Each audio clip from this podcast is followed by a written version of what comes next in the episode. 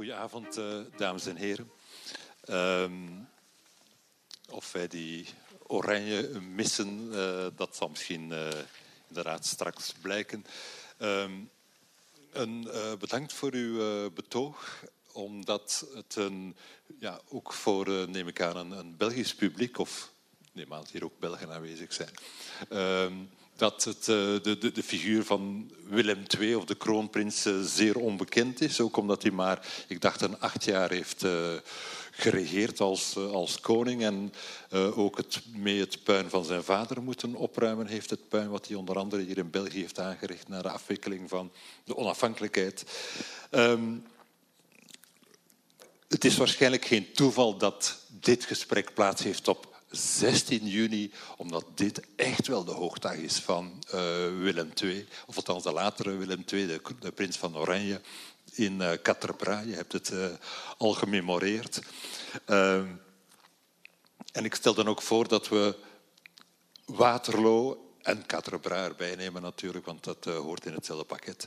Als aanleiding nemen voor dit gesprek. En ehm, voor zover het nodig is, wil ik uh, nog snel even de twee deelnemers aan dit uh, gesprek uh, voorstellen. U hebt Jeroen van Zanten al aan het werk gehoord. Um, hij heeft al zijn inzichten gedeeld. Hij is verbonden als historicus, als universitair hoofddocent aan de docent. Um, u hebt geen hoogmoed zoals de kroon, de prins van Oranje, aan de Universiteit van Amsterdam en is vooral bekend door die monumentale biografie die hij over Willem II heeft geschreven, die in 2013 is verschenen in een pakket met een biografie over Willem I en over Willem III. En uh, dat een, een, een wonderlijk voorbeeld is van historiografie over een doorgaans wat verdacht onderwerp. Royalty is altijd een onderwerp dat snel tot uh, uitschuivers in de publicistiek en ook wel een beetje in historiografie leidt. Uh, die trilogie en zeker het deel van Jeroen van Zanten over uh, Willem II heeft daar helemaal niet onder te lijden. En ehm, Jeroen van Zanten is ook co-auteur van een pas verschenen boek.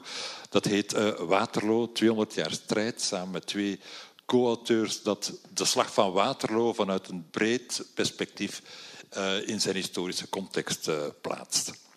Uh, hij is ook de auteur trouwens, als u het wat beknopter wil, van een mooi stukje in het Historisch Nieuwsblad, het jongste nummer, waarin hij eh, zich afvraagt of, of liever de vraag stelt, hoe dapper was Silly Billy? En Silly Billy was natuurlijk een bijnaam voor uh, de prins van Oranje, hoewel daar discussie over bestaat. U hebt zelfs tot in de lezersbrievenrubrieken van, ik dacht, de, de Volkskrant, een, een, grote discussie gevoerd of dat nu een legitieme bijnaam, of althans een reëel bestaande bijnaam was, naast Slender Billy of zelfs Ugly Frog, dacht ik, was ook nog een naam die wel eens opdacht opdook. Um, voor uh, de. Dat was een bijnaam die Charlotte hem gaf. Ugly Frog. Ugly Frog, ja. ja. Dus daarom is dat huwelijk niet doorgegaan. Ja. ja. En toen heeft ze maar uh, iemand met een nog meer briljantere toekomst gekozen als toekomstige ja. echtgenoot, namelijk de latere Leopold I. Uh, overigens, frog is, dacht ik, wat ze in Groot-Brittannië altijd uh, zeggen over Fransen.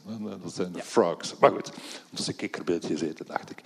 Onze tweede medespreker, tegenspreker misschien wel, is Johan Op de Beek. Johan Op de Beek is ja, zeer lang uh, als uh, journalistiek en in het algemeen in de media actief geweest. Uh, is zo verstandig geweest van dit beroep op tijd te verlaten. naar management van media en nu is hij publicist en ook, dacht ik, communicatieadviseur. en is, ja, dat zijn mensen die wat tijd hebben blijkbaar in alle geval. De voorbije jaren heeft hij toch een viertal boeken geschreven over en rond Napoleon en over, uh, uiteraard, want dat is altijd het sluitstuk dat eraan te pas komt, uh, over Waterloo. Het, uh, en hij is dus vandaag een zeer druk bezet man die het Hanseland en ook noordelijke Nederlanden onveilig maakt om zijn inzichten mee te delen. En Johan, als je toestaat, als u toestaat mag ik u tutoyeren, dat is iets makkelijker als je hebt het betoog gehoord, of het, het verhaal wat, wat Jeroen gehouden heeft daarnet, heeft hij voldoende aandacht gehad voor de Belgische inbreng uh, in die slag van Waterloo? Bevinden we ons hier op Nederlands grondgebied of niet? Uh, ja, dit is het, het Koninkrijk der Nederlanden, meervoud. Dus we kunnen even veinzen dat we weer in 1815 zijn. Dus het is ook van ons. Ik denk dat we daar een gemeenschappelijk inzicht delen, Jeroen en ik, dat Nee, dat is natuurlijk niet het geval geweest. Er is daar net gesproken over Katgebra.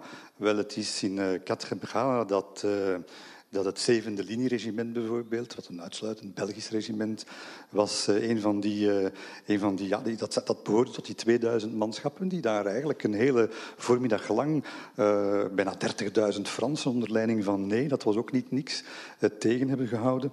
Um, het was een heel bijzonder moment natuurlijk, want die, uh, die, die, al die soldaten en officieren uit, uh, uit Utrecht en uit Antwerpen en Gent en, en Dordrecht en wat weet ik allemaal, die, uh, ja, die, die behoorden tot het jaar voordien nog natuurlijk tot het Napoleontische leger. En in, in de lente, in april van 1814, wordt Napoleon gedwongen tot troonsafstand en hij ontslaat al die uh, militairen van hun eed van trouw aan de keizer. En een deel van die, uh, van die Belgen en Nederlanders die zegt van kijk, dat was ook een politiek gemotiveerd leger, by the way. En die zeggen van kijk, wij zien dat niet zitten om te blijven uh, dienst doen onder die koning van de restauratie. De koning van Frankrijk. En die keren terug naar huis, naar, naar, al die, naar al die steden in de Nederlanden en dorpen.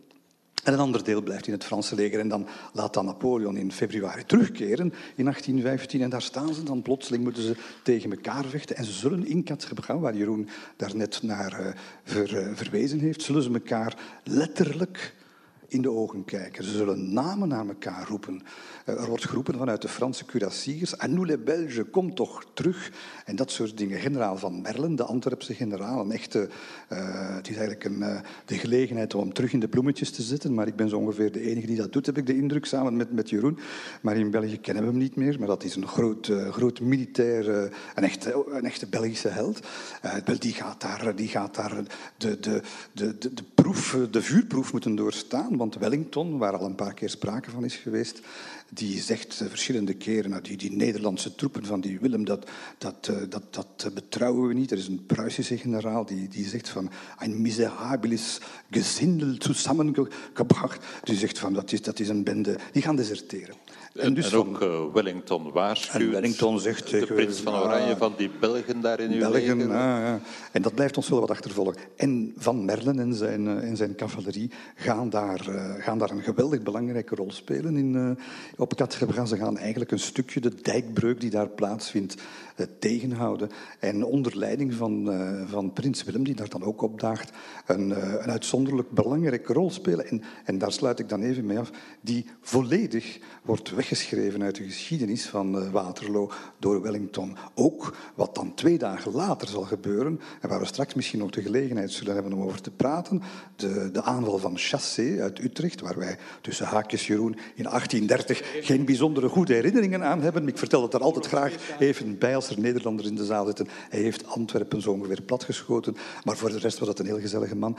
Maar, uh, maar dus die Chassé, en, en het, zijn, het zijn op het cruciale moment, tussen 20 voor 8 en 10 voor 8, is het Chassé die daar iets bijzonders gaat doen. En ook dat wordt door Wellington helemaal uit het verhaal weggeschreven. Ja, um, want het is wel goed om weten, denk ik, of om in het achterhoofd te houden. België op dat moment, zoals we dat vandaag kennen, uh, bestaat uiteraard nog niet. Dat is pas in 1830, 1831 het geval. België bestaat wel als een entiteit met wat onduidelijke grenzen eigenlijk. België is uh, ja, de zuidelijke Nederlanden, dat ooit met, tot in de 16e eeuw een eenheid vormde met de noordelijke Nederlanden. Is daarna Spaans geworden, is uh, Oostenrijks geworden in een, laten we zeggen, feudale context.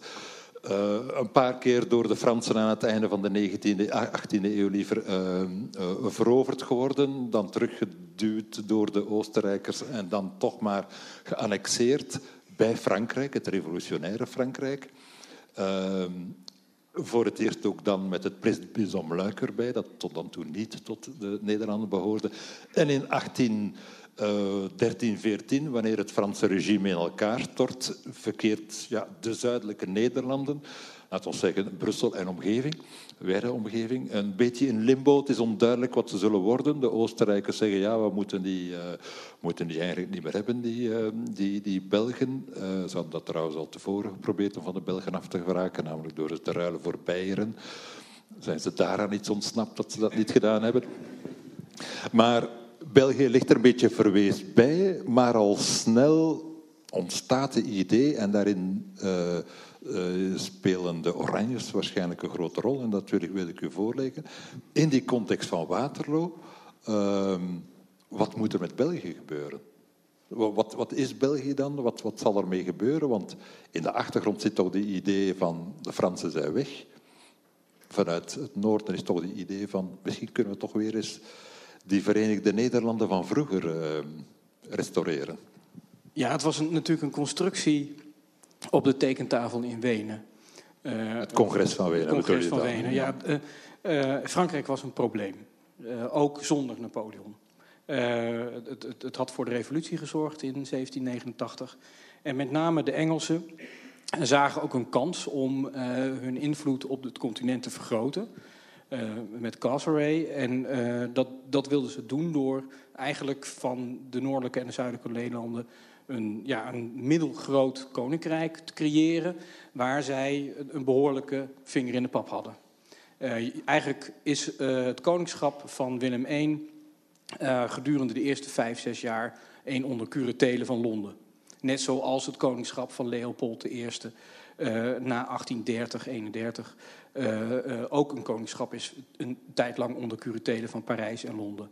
Um, en uh, Waterloo is um, voor, die oranje, voor de Oranjes heel belangrijk, omdat het eigenlijk twee dingen heeft gedaan. Het heeft één, um, die vereniging die eigenlijk niet echt heel erg nou, prettig verliep. De Belgen die hadden nou niet heel veel zin om onder de Oranjes zich te scharen. Heeft het ervoor gezorgd dat um, ja, de overwinning, de gemeenschappelijke overwinning op Napoleon, um, dat, men, dat die vereniging, het Verenigd Koninkrijk, een kans kreeg. Uh, um, en je ziet dat het heel duidelijk dat ook daarna de Oranjes Waterloo gigantisch uh, gebruiken in propagandazin. Uh, er worden gedichten geschreven waarin Belg en Hollander worden geëerd. In één zin. En waarin het woord Belg ook als zodanig wordt gebruikt. Het woord Belg wordt ook wel gebruikt, ja. ja. En uh, dus je ziet dat Willem I dat heel erg gebruikt. En het interessante is, is dat hij daar zijn zoon, die natuurlijk uh, bij Quatre-Bras uh, en bij Waterloo gewond is geraakt, heel erg gebruikt als, als ja, de held. De, de zeg maar de, de, manier om dat merk Oranje te verkopen. En dat doet hij op een manier. en hij zegt ook tegen zijn zoon: Ja, ik wil niet dat jij zelf met de eer strijkt. Maar jouw heldendom is van ons, van onze familie, is van de natie. En uh, je ziet daar dus al dat die vader en zoon daar enorme ruzie over krijgen. Tegelijkertijd is heel interessant dat uh, ook Van Merlen en zo, uh, dus Belgische helden die bij Catrebra en Waterloo hebben gevochten, ook in al die gedichten en prenten worden geëerd. dus um, je hebt een, een algemene Verenigd Koninkrijk Waterloo-propaganda, maar elke stad en elke regio heeft wel weer zijn eigen held. Zoals had Antwerpen van Meerlen als held. Ja, heeft altijd een straat in Berchem. Ja. ja. ja. Maar daar houdt het wel ongeveer mee op, ja. waarschijnlijk. Ja. Nou, het is trouwens... Uh, ik, er zitten hier waarschijnlijk Belgen in de zaal. Het is echt de moeite waard om eens een keer het levensverhaal van die Van Merle op te zoeken. Want het is een, ja, toch echt een bijzonder iemand geweest. Ja.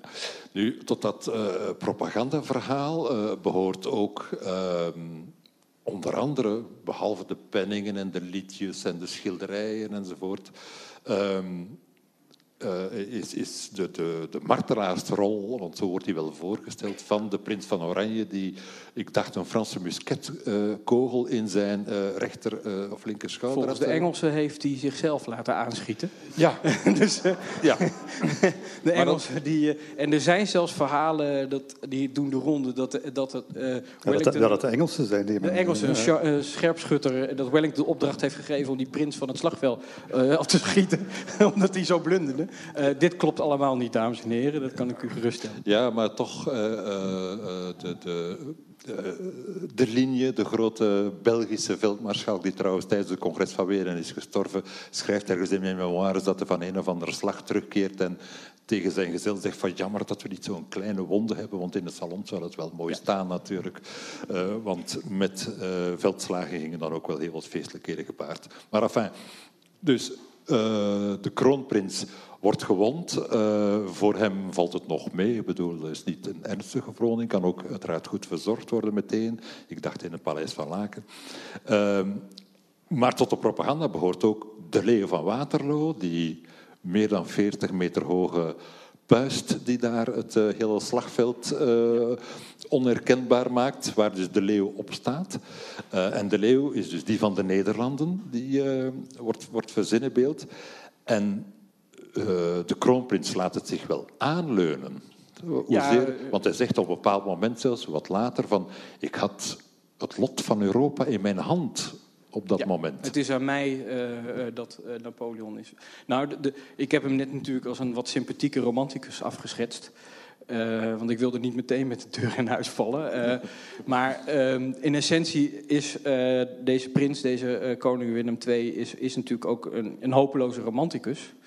Die daarnaast ook enorm ijdel was. Dus hij, Um, het feit dat hij daar als held uh, uit uh, de veldslag kwam, uh, dat, is ook, ja, dat heeft hij ook gebruikt naar zijn vader toe. Natuurlijk, van zie pa, je moet rekening met mij houden. Want de generaals zijn populairder nu naar Waterloo dan de koningen in Europa. Wat ook zo was. De generaals Wellington, Blücher, dat waren de popsterren. En die koningen, ja, die had men niet gezien. George IV was niet in, op Waterloo. Lodewijk XVIII zat in Gent. Uh, en geen, geen, enkel van de Franse Bourbons had ook maar een kogel gelost op, uh, op uh, Waterloo en Quatre Dus die hebben letterlijk de Engelsen hun troon laten, laten redden. En de Nederlanders en de Belgen. Ehm, maar Willem was, ja, was ijdel genoeg om ook dat heldendom voor hemzelf te willen claimen. Nu, tussen haakjes, Napoleon heeft zelf ook gezegd hè, dat, dat Willem een uitzonderlijke... Hij heeft hem een genie genoemd. En uit de mond van Napoleon wil dat wel iets zeggen, natuurlijk. Hij heeft het letterlijk doet natuurlijk wel iets af van het genie van Wellington. Die dat was misschien ook wel de, de bedoeling. Was, maar hij heeft, uh, heeft, uh, de, heeft heel duidelijk ingezien, Napoleon, dat Catgebra dat dat het kantelpunt was. Veel meer dan eigenlijk Waterloo. En dat heeft hij helemaal toegeschreven op het konto van, uh, van de prins van Oranje. Ja, letterlijk noemt hij hem genie de la guerre. Dus echt oorlogsgenie. Ja. omdat hij... Eh, in 1817 al, hè, is die memoires dicteert hij op eh, Sint Helena. Uh, en zegt hij tegen twee van zijn, zijn diverse Franse officieren hem vrijwillig gevolgd in ballingschap naar Sint Helena. Zegt hij van ja, het was de prins van Oranje, want als die er niet was geweest, dan was mijn plan om een wicht te drijven tussen de coalitie gelukt. En wat hij wist, dat was natuurlijk de Napoleons gok. Hij wist dat die Oostenrijkers, die Russen, die Engelsen, uh, en de Belgen en de Nederlanders, dat, dat uh, die geallieerden nou niet heel erg le let, lekker uh, zeg maar bondgenootschap was tegen Met elkaar hem. omgingen. En hij dacht, als ik één of twee grote knallers van een overwinning haalt, haal, dan vallen ze uit elkaar. Ja. En nou, dat is een tweede beslissende moment geweest. Op het moment dat bij Ligny de, de, de Napoleon wint van de Pruisen, ehm, besluit Kneisenau en Blücher om zich niet terug te trekken. En daardoor kunnen ze op de 18e vrij snel bij Waterloo komen. Dus Napoleon schat dat ook verkeerd in. Hè? Dus, dus hij, hij ziet dat er op de 16e uh, geeft hij Nij de schuld. Hij zegt van ja, dat als Nij, ja, Nij was dus degene die, die met die 30.000 manschappen tegen die 16.000 Belgen en Nederlanders en Duitsers stond. Uh, als Nij door had gedrukt, zei hij, dan was ik al bij het Sonienwoud geweest voordat uh, de geallieerden goed en wel zich hadden opgesteld bij Waterloo. Dat klopt. Maar wat ook heel belangrijk is, is dat hij dus ook politiek een fout had gemaakt. Dat bondgenootschap tegen hem was, was sterker. dan hij dacht. Ja, het was ook relatief nieuw natuurlijk, zo'n groot bondgenootschap waarbij zoveel uh, naties bij betrokken waren. misschien, Johan, je hebt ehm, ook als auteur van de biografie van uh, Napoleon. Uh, we hebben het hier over gebeurtenissen van twee eeuwen geleden, uh, waar al, zeker als het over Napoleon gaat, gigantisch veel boeken over gepubliceerd zijn. En toch hoor je voortdurend van ja maar, generaal van Merlen krijgt te weinig aandacht en de Britten manipuleren het beeld van, van de Nederlanders en de Fransen zijn nog altijd ontevreden. Iedereen is ontevreden over wat er wordt verteld. En dan zie je eigenlijk dat er een, van zeer vroeg na, de, na het einde, van, na, na de slag uh, bij Waterloo, die, in die propagandaslag iedereen het laken naar zich toe probeert te halen.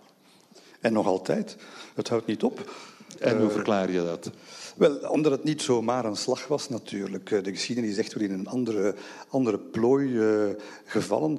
Um, laten we toch eens even uh, over, over toen en nu praten. Want het, de toeters en bellen die nu weer binnenkort gaan weer klinken op het, op het slagveld. En de, de staatshoofden of aanstaande staatshoofden die daar een opwachting gaan maken. ik hoop dat het een herdenking wordt en geen viering. Tot nu toe lijkt het wel eerder een soort soldaatje spelen vooral. Dat is er, dat is er ook bij, dat is er ook bij. Maar uh, er is, uh, er is uh, dat, dat hele relletje bijvoorbeeld met die, met, die, met die Belgische munt, die herdenkingsmunt. En daar wordt wat schamper over gedaan. Nu, ik, wil, ik, ben, ik ben daar graag wat tegendraads over laten we toch eens goed, goed nadenken wat we daar aan het doen zijn. Hè? De Engelsen zijn dat een beetje aan het vieren alsof het een overwinning op Hitler betrof. En dat was het in geen lichtjaren natuurlijk. Wie heeft daar gewonnen? In, uh, in, uh, in, in Waterloo. Wel, dat was een coalitie waar je net naar verwees. Een coalitie waarin Rusland zit. Een land waar 80% van de bevolking eigendom is. Slaven. Uh, Pruisen, dat een volstrekt feodaal land nog is. Oostenrijk, dat volhoudt dat de, de maatschappij door God gecreëerd is. De maatschappelijke ordening bij gevolg onveranderlijk is en dat dat zo moet blijven. En Engeland, de standenmaatschappij, upstairs downstairs, die hebben gewonnen. En wie heeft verloren? Het land van het nieuwe maatschappelijk model. Het land waar de waarden waarop onze hedendaagse samenleving gebaseerd zijn. Napoleon heeft de slavernij opnieuw ingevoerd. De, de, de, scheiding van, de scheiding van... Ik zal er meteen iets over zeggen. De scheiding van kerk en staat. Uh, dat zijn fundamentele dingen. De Code Civil voor de eerste keer rechtsgelijkheid in, uh, in, op het Europese continent. De emancipatie van de Joden, godsdienstvrijheid. Uh, we zullen het metrisch stelsel ook nog even bijhalen. En dat, en dat soort dingen. Dat, en dat land heeft verloren. Dus ik, ik, ik begrijp Hollande wel een beetje hoor. Als die zegt van, ho, ho, wat zijn jullie daar nu eigenlijk aan het doen? Dus uh, herdenken ja, maar toch, laat ons, laat ons, laat ons bescheiden blijven. Uh, Engeland was daar wel Europa uit elkaar aan het spelen. Hè? Uh, er is wat dat betreft ook weer niet zo heel veel nieuw. Ik ben toch in de niet in de Engelse ambassade op dit moment. Dat, wat dat betreft ook niet zoveel nieuws onder, onder de zon. Dus ik, ik, ik denk dat we daar heel genuanceerd moeten mee omgaan. Dat is een heel belangrijke slag geweest. Die heeft, die heeft Engeland ook terecht of onterecht gecatapulteerd naar de koppositie in de industriële revolutie en Frankrijk, de grote concurrent, naar huis gespeeld. Goed, dat zijn ook allemaal dingen die in de, in de, in de grote context moeten, moeten worden meegenomen. En wij kroonprins Willem en, uh, en Van Merle en dergelijke. Wij waren natuurlijk niet meer dan, en hij heeft het daarnet prachtig uitgelegd hoe het gegaan is, niet meer dan de kleine pionnetjes op dat De figuranten. Maar zou je dan kunnen stellen dat, eh, want je beschrijft nu, en ik denk dat dat juist is, hè, eh, het congres van Wenen waarvan het diplomatieke, dat wil zeggen dat het diplomatieke luik was van militair in Waterloo is afgehandeld, namelijk korte met te maken met de Franse revolutie en met ja. Napoleon. Ik, ik, ehm, heb, ik heb een iets anders beeld denk ik, eh, dan Johan van Napoleon. Eh, Napoleon was ook de man van de geheime politie. Napoleon was ook de man Wat een van... modern staatsinstrument is ja, natuurlijk. Ja, uh, Jeroen, Jeroen, Jeroen, ik had het wel over Frankrijk. Hè. Ik had het niet noodzakelijkerwijze over, over ja. Napoleon. Napoleon was de man van... Dus de twee grote principes van de revolutie en de verlichting. Gelijkheid en vrijheid. Nou, ik denk dat je gelijkheid... Dat je dat helemaal op zijn konto kan schrijven. Vrijheid daarentegen, nee. dat was er niet bij, dat is duidelijk. Dat was een dictator. Maar om, om het eh, in zijn algemeenheid te stellen, uh, de bedoeling van het congres van Wenen en de slag uh, van Waterloo, of althans van de, de, de, achteraf winnend gebleken landen in de slag van Waterloo, was het herstel van uh, de standenmaatschappij en van een, een, een, een, samenleving waarbij de adel en de oude adellijke opdeling van Europa in stand werd gehouden, maar niet meer op conflictueuze wijze, maar in samenwerking uh, in het nieuwe verband. Dus dit is eigenlijk het, ja, de restauratie, zo wordt het ook beschouwd. Ja, die restauratie is, tegen de, de, idealen van de Franse revolutie. Die, die, restauratie kent, kent vele vormen. De restauratie is ook de periode waarin wij allemaal uh, moderne parlementaire democratie, uh, waar het ontstaat. Hè. Dus de, je ziet in Frankrijk, in, in, hier in België, in Nederland, dat het kamerstelsel centraal komt te staan in de politiek. Het duurt natuurlijk dan wel lang tot de parlementaire politiek zo'n vorm krijgt zoals wij nu kennen. Daar zijn twee revoluties voor nodig, 1830, 1848. Maar die restauratie is niet een terugkeer zo direct naar de Franse revolutie. Die restauratie is een, is een, een, een cruciale periode waar allerlei mengvormen zijn van politiek en cultuur. Uh, die, die uiteindelijk ook gewoon heel belangrijk zijn als ingrediënt, heel belangrijk zijn geweest voor uh, wat wij nu in Europa kennen, een parlementaire vertegenwoordigde democratie. Um, het is maar de vraag of als we op de lijn van Napoleon door waren gegaan, als kind van de revolutie, of we daar dan nu op dezelfde punt waren uitgekomen. Dat is een what-if history.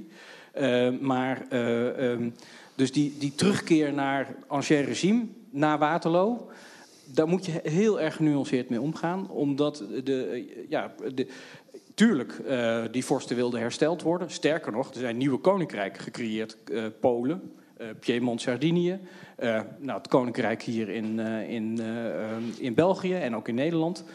dat was reactionair, dat was restauratie. Maar tegelijkertijd zagen die restauratiemonarchen ook dat ze alleen maar konden regeren door het accepteren van grondrechten en een, en een constitutie. Dat ze moesten regeren met een, um, een zekere mate van parlementaire vertegenwoordiging.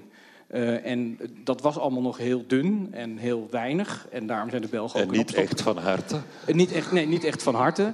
Uh, maar um, het waren wel ingrediënten die nodig waren om in de loop van de geschiedenis... om natuurlijk die breuken weer te forceren. En Napoleon is natuurlijk in, in dat opzicht een Januskop. Hè, een Janusfiguur waarin, waarin wij, zeker in Europa... want het is, het is niet voor niks als je naar de Fransen kijkt... Het is niet voor niks dat de Gaulle op 18 eh, juni 1940, eh, als hij dan ontsnapt is naar Londen, eh, op de radio een appel doet aan de Fransen. We hebben verloren, maar Frankrijk houdt nooit op te bestaan. En daar wees hij niet naar de visie Frankrijk, maar wees hij naar het vrije Frankrijk.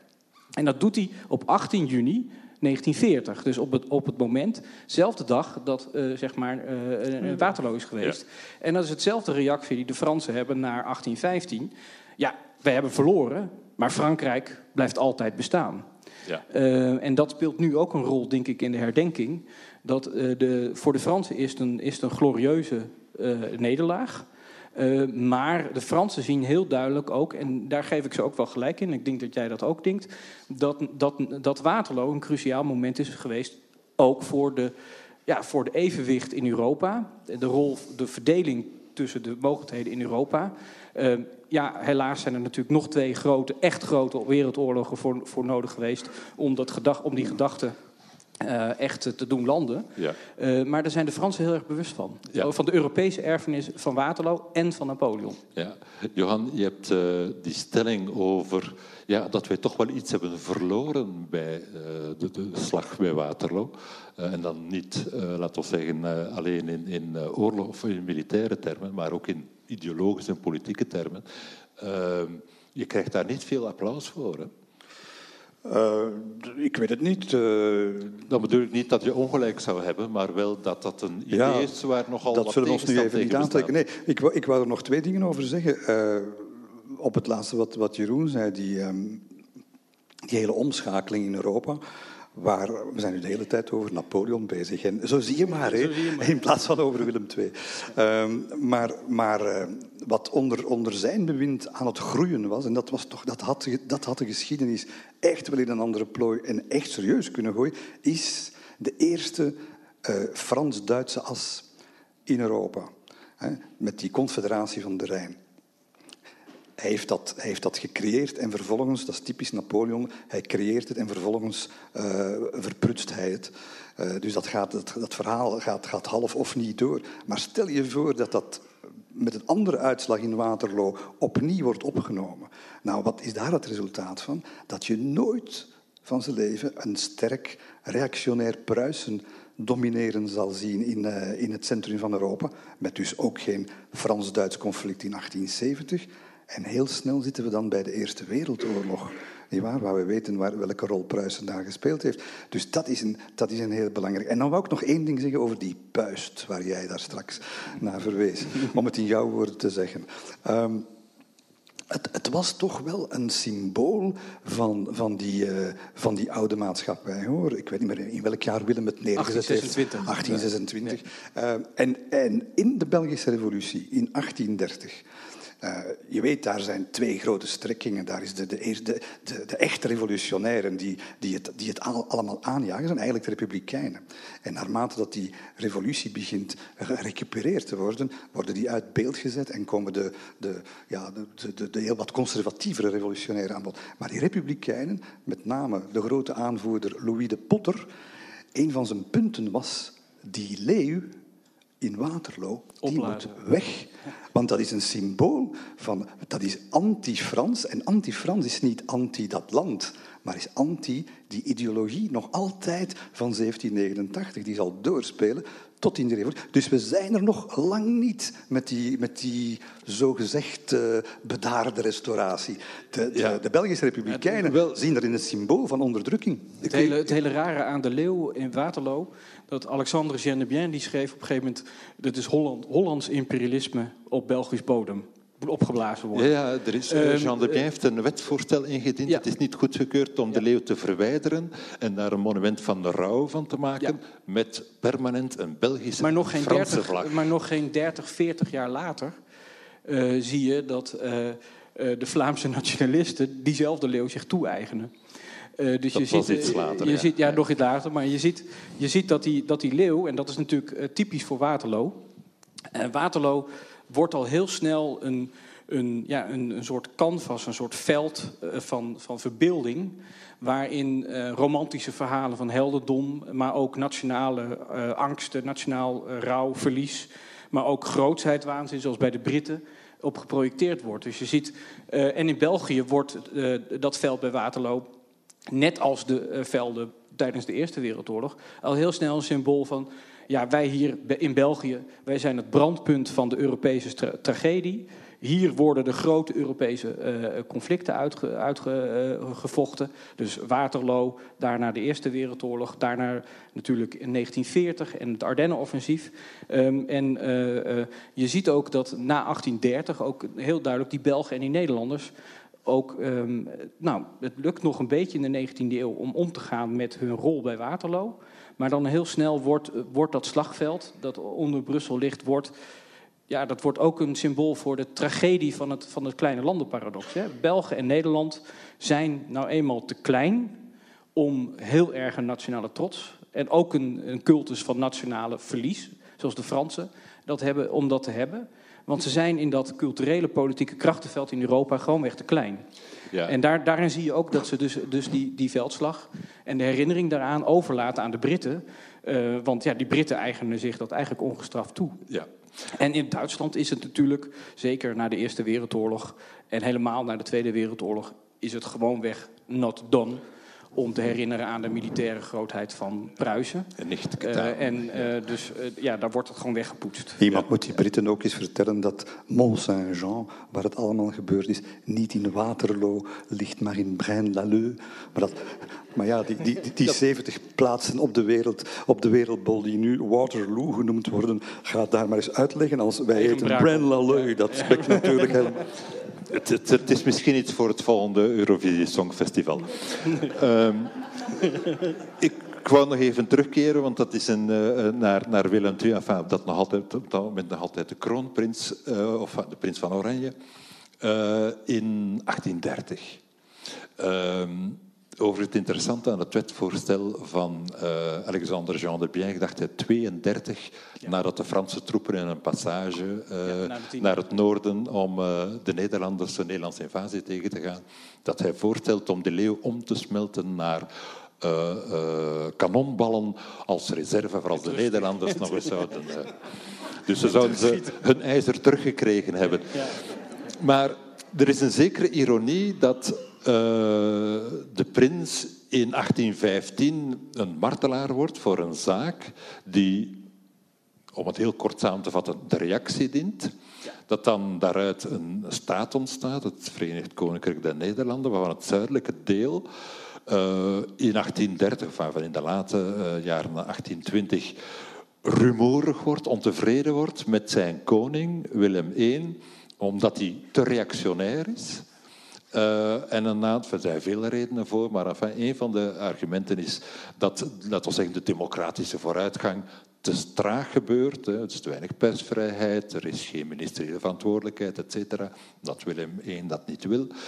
Uh, en dan op een bepaald moment verkeert Willem II plots in een situatie waarin hij ja, daar een initiatief kan nemen. Uh, of althans een, een, rol denkt te vinden.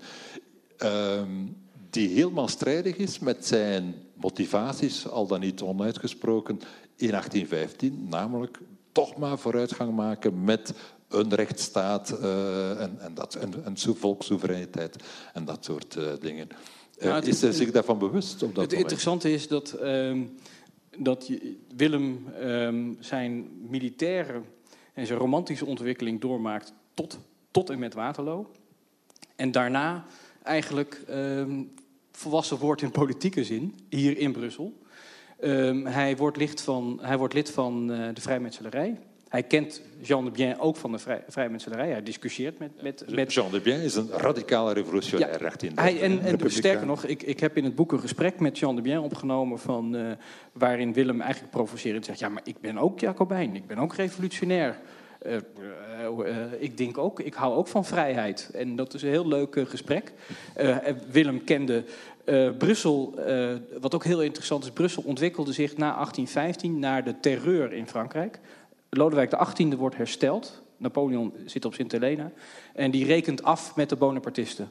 Veel van die Bonapartisten, maar ook leden van het, het comité Salut Public, dus de, de echte core revolutionairen, uh, vluchten naar Brussel. De schilder David woonde hier.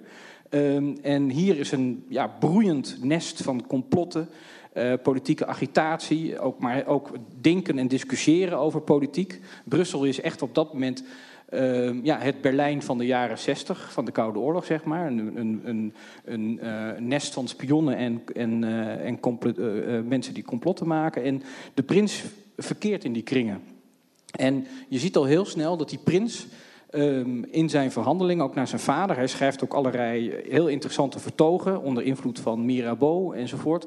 Schrijf, zegt hij van ja, ja, ik heb dan wel gevochten bij Waterloo en ik heb mijn, leg mijn lichaam gegeven voor de reactie, voor het herstel. Maar ja, toch zat er wel heel wat in, die, al die dingen die Bonaparte heeft gedaan. En zit er heel wat in wat in 1789 is gebeurd in Frankrijk. En je ziet die ambivalentie waar hij mee worstelt. Hij is notabene erfopvolger. Maar hij is veel liberaler dan zijn vader. Maar tegelijkertijd zit hij gevangen in dat Europese vorstennetwerk, in zijn plichten, in zijn afkomst. Uh, um, en dat is heel, daar heeft hij heel veel moeite mee. Is, en, is dat waarom hij in dat citaatje zegt van ja, ik doe dit omdat dit nu mijn biologische ja, voorbestemming ja. is, maar mezelf moet ik wegcijferen? Ja, hij, hij, je ziet dat hij in 1840 begint hij met regeren. Hij, hij doet eigenlijk alles wat zijn vader had moeten doen in 1830 om de Belgen te houden. Uh, dus hij schaft al die autoritaire maatregelen van zijn vader af. Um, de jaren 40 uh, eh, loopt hij iedere keer achter de feiten aan, omdat zijn vader een enorme staatsschuld heeft opgebouwd omwille van het staande leger, omdat zijn vader natuurlijk België niet verloren wil laten gaan. En hij loopt achter de feiten aan en uiteindelijk um, zegt hij ja tegen de hervorming in 1848. Maar het interessante aan, aan de prins is dat hij dus hier in dat liberale Brussel, waar hij dus ook enorm van hield, van, van de Belgen en van de, van, van de stad en van de omgeving. Dat hij dus politiek uh, ja, zichzelf ontwikkelt, dat hij steeds meer sympathie krijgt voor, voor de revolutie en voor Napoleon. Um, en tegelijkertijd is natuurlijk ook gewoon, um, uh, 1830 was voor Willem I gewoonweg uh, het verlies van macht en status, omdat hij een groot deel van zijn koninkrijk verloor. Voor Willem II was het een persoonlijke tragedie. Ja. Hij verloor uh, de enige uh, plek um, in het koninkrijk waar hij zich thuis voelde, waar hij vrienden had, uh, waar hij in zijn nou, toch een beetje excentrieke voorkomen ook geaccepteerd werd. Laat ik zo zeggen, de, hij ging in, hier in Brussel regelmatig cruisen. Ik weet niet of u weet wat het is. Maar uh, in bepaalde parken. Dat gebeurt nog bij hoge ja, het, het, was, het, was, het, het, was nou eenmaal ook een, een, man van de herenliefde. Um, dus hij voelde zich hier veel meer geaccepteerd. En het, het, hele cynische en ook het ironische en eigenlijk ook een beetje zielige is dat hij als België is verloren gegaan, probeert hij van Tilburg een soort Brussel te maken. Hè. Dat, daar probeert hij in de omgeving um, ja, een, een, paleisje te bouwen. En daar voelt hij zich dan wel thuis. Maar het blijft, en notabene zijn, zijn schoonfamilie, de Tsaren uh, en de familie de Romanovs, komen op bezoek in Tilburg. Dus ja. u moet zich voorstellen hoe dat uh, eruit heeft gezien. Um, Als een potje in Kumdorp waarschijnlijk. Ja, ja dus, um, dus uh, en, en tegelijkertijd, er is een prachtige brief van uh, Dorothea Lieven... die in uh, 1820 hier dineert met Willem I en de koningin Willem, Willem, uh, Wilhelmina. Die zit aan tafel hier in Laken. En ze schrijft in een brief van... ja, ik deed mijn best. Ik probeerde interessante onderwerpen aan te snijden. Maar alles wat ik zei viel dood op de tafel neer. Ik keek om me heen en zag geen enkel intelligente ogen terugkijken. Nou ja, uh, um, terwijl ze uh, heel erg positief was over de prins en zijn, uh, en, en, zijn echtgenote Anna Plovna. Ja. Dus de, de, het contrast tussen die vader en die zoon is in zekere zin, en dat, dat, dat, je zou kunnen zeggen ook het contrast tussen het zuiden en het noorden. Um, die prins was een warmbloedig, ik, ik chargeer natuurlijk, maar had gevoel ook voor het katholicisme, had gevoel voor de Belgische aard. En we probeerden zijn vader daar ook uh, ja, toch zover te krijgen om uh, in 1829 zegt hij tegen zijn vader, ik heb het net gezegd, ja. Uh, van ja, je moet nu maatregelen nemen, want, want die Belgen gaan er anders breken. En, en het, dat is het hele tragische en het komt ook tussen die vader en zoon dus nooit meer goed. Ook omdat um, vader sympathie had voor Napoleon als het ging om het ontnemen van vrijheid. Dus uh, ja. Willem I heeft letterlijk uh, zijn geheime politie. Maar niet voor de rest. Uh, gemodelleerd, nee, niet voor de rest, maar gemodelleerd op Napoleon. Die geheime ze, politie. Ze alles gewoon overgenomen van de Fransen. Ja, ja. ja. en die, die heeft hier natuurlijk die perscensuur gebracht. En, um, maar Willem II bewonderde Napoleon vanwege die, die, die revolutionaire erfenis en het militaire aspect. Dus Johan, in zekere zin heeft, uh, wat Willem II betreft in alle geval, is uh, zijn verblijf in Brussel niet nutteloos geweest, ondanks zijn bijdrage aan uh, de restauratie in Waterloo. Ik, ik, vraag me ook af in hoeverre die, hij nog een kans had net voor Chassé dat bombardement van Antwerpen doet. Had, had, hij volgens jou op dat moment nog, nog, de sleutel in handen? Want het voorlopige bewind in Brussel, het, waar veel republikeinen in zitten op dat moment, zegt hem wel de wacht aan. Denk je dat Chassé dat dat het beslissende moment geweest is? Het bombardement van, Antwerpen, Antwerpen is heel belangrijk geweest, maar de, de 1830 is eigenlijk een heel interessant uh, hoe dat nou precies gegaan is met uh, België en het feit dat België soeverein is geworden. Dat, Willem zat in Londen na Antwerpen en um, daar is notabene door de Franse buitenlandse minister Talleyrand ehm, de minister en de premier van Engeland na Wellington, Grey uh, moest hij dus meedoen weer met complotten om toch België. Uh, want ze waren heel bang dat er een Fransman op de troon zou komen van, uh, van de Belgische vakante troon. En, um, Hertog van de Moer was dat? Was ja, die was in de. Maar wat heel tragisch is, is de periode daarvoor in Antwerpen, waar die eigenlijk te laat is. Hè. op het moment op 3 september 1830 rijdt hij terug naar Den Haag. Um, hij wil met zijn vader overleggen. Hij zegt van ja, uh, uh, men is in België bereid om mij uh, de troon aan te bieden. Nou, als we dat nou doen, dan hebben we een personele unie. Dan is België voor Oranje behouden. Zijn vader zegt niks van in. je gaat maar een maand afkoelen. Willem wordt letterlijk bijna krijgt huisarrest. En, ja, en Frederik, prins Frederik, de tweede zoon van de koning, die schiet hier het Warandelpark overhoop. Dat is de eerste fase waar eigenlijk de revolutie hier verloren is. Want er is een wet Uh, als de revolutie escaleert en er vallen gewonden en er komt de stadsguerrilla, dan is eigenlijk het regime wat daarvoor is eigenlijk altijd verloren. Want hij had wel Antwerpen en Gent achter zich eigenlijk. Ja, nog meer. De, in Luik was, het, was het ook geen uitgemaakte zaak. Het merendeel van de Belgen was echt niet bereid om, om Oranje af te zetten, maar wilde hervormingen. Uh, ja, en de reactie uit het noorden speelt ook een rol. Hè. De, de, de, de Noord-Nederlanders zijn heel snel, en met name de Noord-Nederlandse parlementariërs, en met name ook nog de protestante Noord-Nederlandse parlementariërs, Willem II had een hekel aan ze, uh, die waren heel snel om te zeggen, ja, die Belgen zijn muiters, die willen we niet meer hebben. En uh, Willem II stelt nog voor om in Antwerpen te vergaderen met het parlement. Dus niet in Brussel, maar in Antwerpen. En die Noord-Nederlandse uh, Kamerleden zeggen allemaal van ja, maar wij gaan niet meer afreizen naar dat katholieke zuiden. Dus de Noord-Nederlandse reactie van het publiek speelt ook nog een rol in, uh, in, dat af, in de afscheiding. Heren, zeer bedankt. Uh, we moeten een beetje scherp zijn om ook het, het publiek wat ruimte te, te, geven om een vraag te stellen in de context die hier van pas komt. En ik zie al heel snel iemand met een rood, iets roods aan. Ik durf het niet te omschrijven, want ik zal het toch vast een keer omschrijven. Um, en ik wil u graag uitnodigen om kort een vraag te stellen en misschien aan te geven aan wie u die wil stellen. Er is een microfoon in aankomst.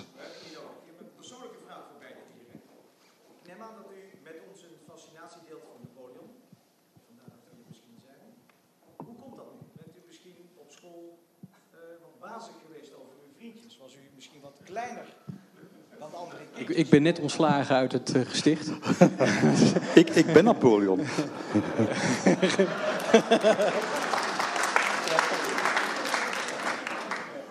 Waar komt in feite uw fascinatie vandaan? Dank u wel. Uh, Jeroen, jij bent, nee, misschien Johan eerst, want die heeft er het uitvoerig over geschreven. Uh, ik zal u vertellen hoe dat gegaan is. Uh, mijn journalistiek bloed kruipt waar het niet gaan kan. En uh, zes jaar geleden dacht ik van wat is zo haalbaar om een boek over te schrijven, een mooie grote datum waar ik een aantal jaren de tijd voor heb om dat eens goed uit te pluizen. En toen viel mijn oog op, op dit jaar, op, uh, op 2015, want Waterloo. En dus uh, ja, dat is bij ons gebeurd. En uh, een beetje dat verhaal van die, van die prins en, van die, en dan die revolutie die daarna komt. Ja, en voor je het weet stuit je op allerlei ongelooflijk bronnenmateriaal. En, en niet het minst natuurlijk op dat, op dat fascinerende leven van Napoleon zelf. En natuurlijk op die uiterst belangrijke periode, want we spreken over de 25 jaar. Maar de ene 25 jaar zijn de andere niet.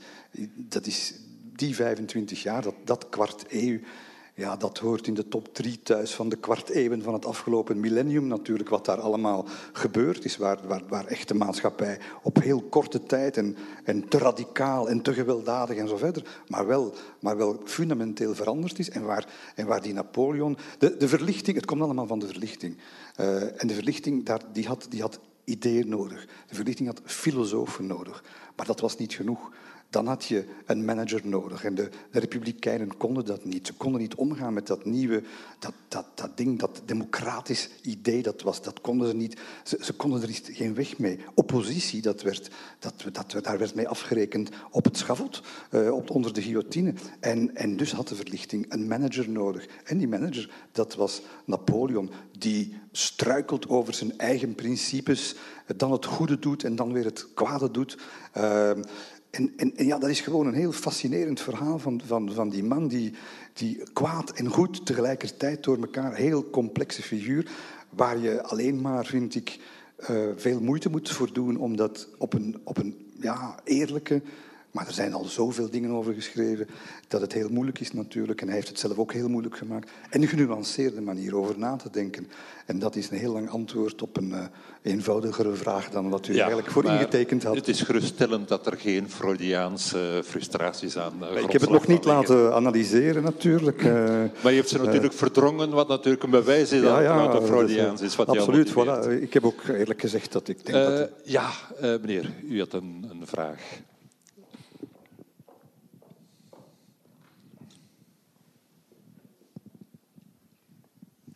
Ik heb, een, uh, ik heb een vraag in verband met de koningskroon die zal worden aangeboden aan Willem II.